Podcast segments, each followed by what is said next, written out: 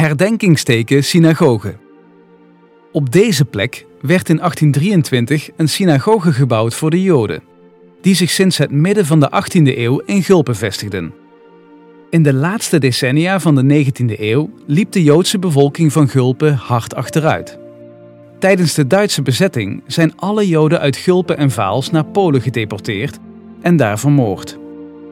Na de oorlog hebben zich nog in Gulpen, nog in Vaals weer Joden gevestigd. Van de synagoge aan de Kiebeukel, die voor de oorlog al in slechte staat was, was na de oorlog alleen het entreegedeelte nog gedeeltelijk intact. Het gebouw is jarenlang in gebruik geweest als stal en als kaasmakerij. Later werd op deze plaats een woonhuis gebouwd. In 1947 werd de Joodse gemeenschap officieel bij die van Maastricht gevoegd.